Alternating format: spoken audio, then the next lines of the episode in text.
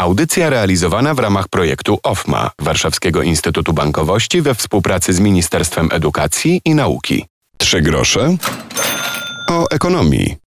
Piotr Topoliński, dzień dobry. Dzisiaj o kilku sprawach. Będzie znów o bezpiecznym kredycie 2%, o tym jak banki próbują te wnioski przerobić, bo mówi się o tym, że niektórzy klienci, którzy już zgłosili wnioski, są zainteresowani tym tematem, muszą poczekać na to, aż pojawi się odpowiedź z banku, czy kredyt zostanie przyznany, czy nie. O co chodzi w szczególe, to o tym za moment. Będzie również o pewnych prognozach i planach na niedaleką, mamy nadzieję, przyszłość, bo będzie mowa o odbudowie Ukrainy. Od tego tematu zaczniemy, a to wszystko z okazji spotkania w Związku Banków Polskich z osobami, które tym związkiem się opiekują na co dzień.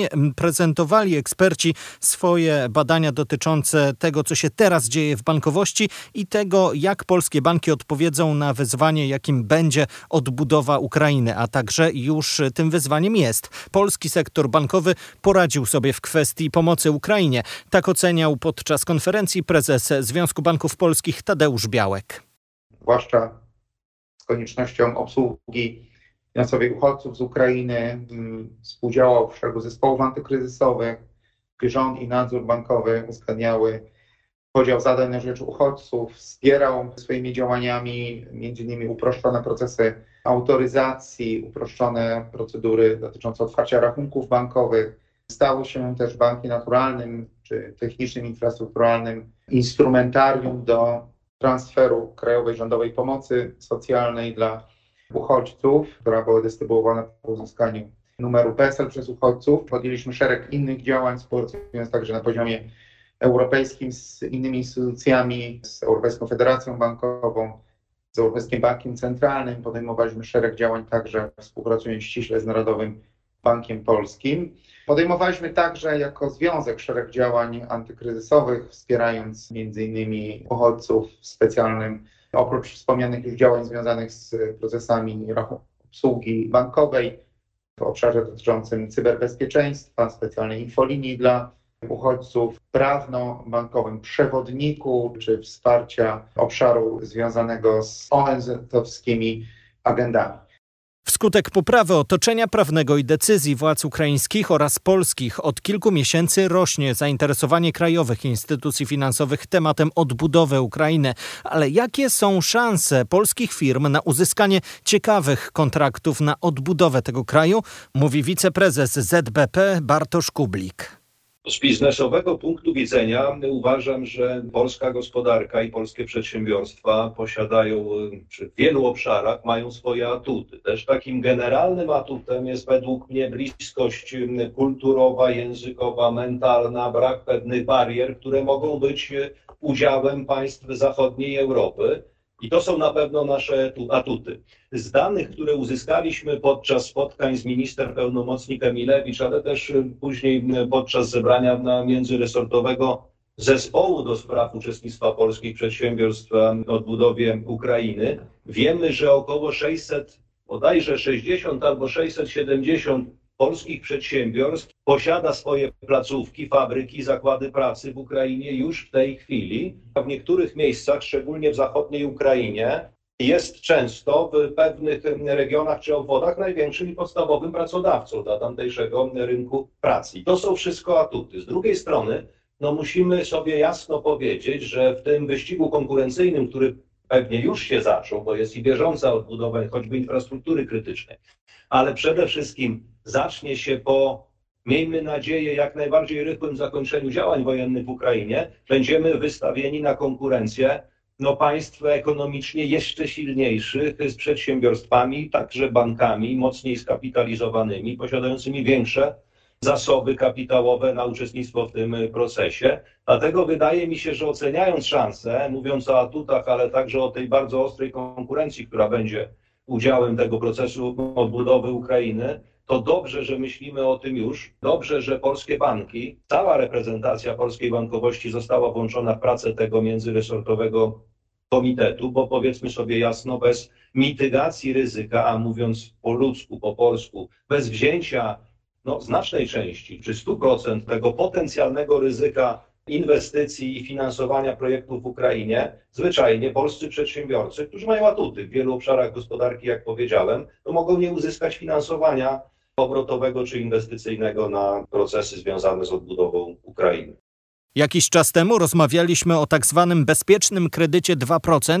Kto może skorzystać, na jakich zasadach, jakie są szczegóły. Tłumaczymy to w podcaście, w rozmowie. Zachęcam do znalezienia trzech groszy o ekonomii w ulubionych aplikacjach z podcastami w wolnej chwili po audycji warto posłuchać e, tamtej rozmowy. My jednak wracamy do nowych danych dotyczących tego, ile osób zainteresowało się tym tematem, czy prawdziwe są informacje o problemach ze składaniem wniosków i ile czasu banki mają na rozpatrzenie naszych wniosków. Dane z końcówki sierpnia ma Tadeusz Białek, prezes Związku Banków Polskich. W ramach programu złożono łącznie, podkreślam, na 24 sierpnia 36 037 wniosków. Zastrzegam, że liczba ta może zawierać informacje o kilku wnioskach jednego kredytobiorcy w sytuacji, gdy wnioskował on równocześnie w kilku bankach, ale należy zakładać, że nawet jeśli to ta liczba jakoś znacząco nie jest mniejsza. Jeśli chodzi o liczbę zawartych umów o kredyt 2%, w ramach programu, ponownie podkreślam, na 24 sierpnia zawarto 3900 jeden umów kredytu. Termin, e, który jest ustawa o kredycie hipotecznym, który w tym zakresie jest też implementacją dyrektywy, żeby była jasność, więc jest spójny we wszystkich państwach członkowskich, wynosi 21 dni od momentu kompletu wniosku. Podkreślam to nie bez kozery, bo pojawiają się takie sytuacje, gdzie kredytobiorcy mm, wskazują, że nie wiem, oczekiwaliby szybciej przeprocesowania, ponieważ na przykład mają zadatki złożone, natomiast no tutaj trzeba wyraźnie podkreślić, że bank musi zebrać komplet dokumentów wymaganych przepisami. Dopiero od tego terminu te 21 dni się liczy. Natomiast zapewniam Państwa, że ten bank nie czyni tutaj żadnych zbędnych formalności i że w bankach, szczególnie tych, które przodują w liczbie wniosków obsługiwanych, są zaangażowane dodatkowe siły i zasoby do przeprocesowania wszystkich tych wniosków. Warto jeszcze podkreślić, że ustawa, jak Państwo pamiętacie, oferuje też konto mieszkaniowe, które też ocenialiśmy bardzo pozytywnie jako sektor bankowy, bo jest to w istocie realizacja tych obszarów związanych z finansowaniem, z oszczędzaniem długoterminowym, o których mówiliśmy od dawna, podkreślając, że brakuje nam takich uregulowań jak kasy oszczędnościowo-budowlane w innych państwach tej części Europy, dlatego cieszymy się, że takie rozwiązanie jak konto mieszkaniowe zostało wdrożone. Na ten moment, ponieważ no, oczywiście większość banków skupia się na kredycie 2%, banków, które oferują konto mieszkaniowe są trzy. Jeden jest w trakcie finalizacji uzgodnień, natomiast mamy już na dzień 24 sierpnia zawartych 1644 umowy o prowadzenie konta mieszkaniowego. A o problemach e, piszą dziennikarze. Dziennik Gazeta Prawna opisywał sytuację osób, które zadeklarowały się w swojej umowie deweloperskiej, na przykład na termin przelewu na koniec sierpnia czy początek września. No a okazuje się, że decyzji kredytowej część klientów jeszcze nie ma i nie wiedzą, kiedy mogą ją otrzymać. Tak jak tłumaczyliśmy to przed momentem, e, komplet dokumentów należy złożyć w banku, a ten później zgodnie z prawem ma czas na wydanie decyzji kredytowej. Bezpieczny kredyt 2%. O tym temacie jeszcze pewnie będziemy mówili. Za chwilę wrócimy do banków. Zapytamy o to, jakie tam są nastroje, jeśli chodzi o najbliższe miesiące. Tu w dół, tam w górę znamy nowe dane monitora bankowego. W sierpniu widać było zdecydowany spadek aktywności klientów na rynku kredytów konsumpcyjnych i obrotowych przedsiębiorstw oraz lekki wzrost na rynku kredytów mieszkaniowych. Możemy sobie wyobrażać dlaczego, tłumaczyliśmy to kilka minut temu w audycji. No ale więcej o nowych badaniach dotyczących koniunktury bankowej Marcin Idzik z Minds and Roses. Prognozy sześciomiesięczne sytuacji ekonomicznej przedsiębiorstw, gospodarstw domowych i gospodarki kraju. E, e, ostatnie dwa miesiące to miesiące mm, korekty e, tych prognoz. Obecnie 10% badanych wskazuje, że sytuacja ekonomiczna przedsiębiorstw w perspektywie 6-miesięcznej poprawi się. Jest to podobny odsetek w stosunku do miesiąca poprzedniego.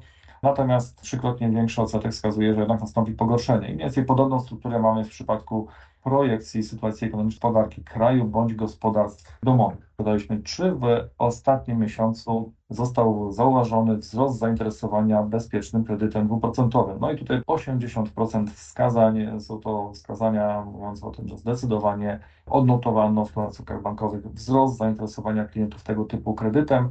Inna ciekawa statystyka, polski sektor bankowy na tle innych sektorów bankowych w Europie w perspektywie najbliższych pięciu lat będzie się rozwijał. No tutaj połowa wskazań są to te, które mówią za tym, iż będzie się rozwijał zdecydowanie szybciej, bądź raczej szybciej. Natomiast opinie przeciwne jest to około 44% wskazań, mówiące o tym, że jest ryzyko takie, że ten rozwój może być nieco wolniejszy. I ostatnia kwestia. Pytaliśmy również o czynniki, które będą miały negatywny wpływ na banków w najbliższych kwartałach. Pytaliśmy o kilka czynników. Na pierwszym miejscu jest sytuacja na rynku kredytów frankowych, następnie decyzje dotyczące stóp procentowych, na kolejnym miejscu wpływ polityki na działalność banków oraz na kolejnym, również z wysokim odsetkiem wskazań, jest to nadmierne opodatkowanie banków. Czyli w dużej mierze jest powiew optymizmu na najbliższy czas, przy czym kluczowe negatywne czynniki, które w ocenie badanych będą miały największy wpływ na wynik banków w najbliższych kwartałach, to sytuacja na rynku kredytów frankowych, decyzja na temat stóp procentowych, wpływ polityki na działalność banków i nadmierne opodatkowanie banków, wskazują odpowiadający w ankiecie. Zachęcam do śledzenia tego, co dzieje się w gospodarce. Trzy grosze ekonomii to audycja, którą co tydzień możecie usłyszeć. Zachęcam też do śledzenia podcastu w ulubionych aplikacjach z podcastami. Niedawno rozmawialiśmy choćby o rozwijających się technologiach, o 5G i pewnym wykorzystaniu tej technologii, a w najbliższym czasie znów będziemy pytać o sytuację przedsiębiorców i podpytamy też o nasze pensje. Czym jest płaca minimalna? Z czym się wiąże? O tym w kolejnym programie. Już teraz zachęcam. Piotr Topoliński, do usłyszenia. Audycja realizowana w ramach projektu OFMA Warszawskiego Instytutu Bankowości we współpracy z Ministerstwem Edukacji i Nauki.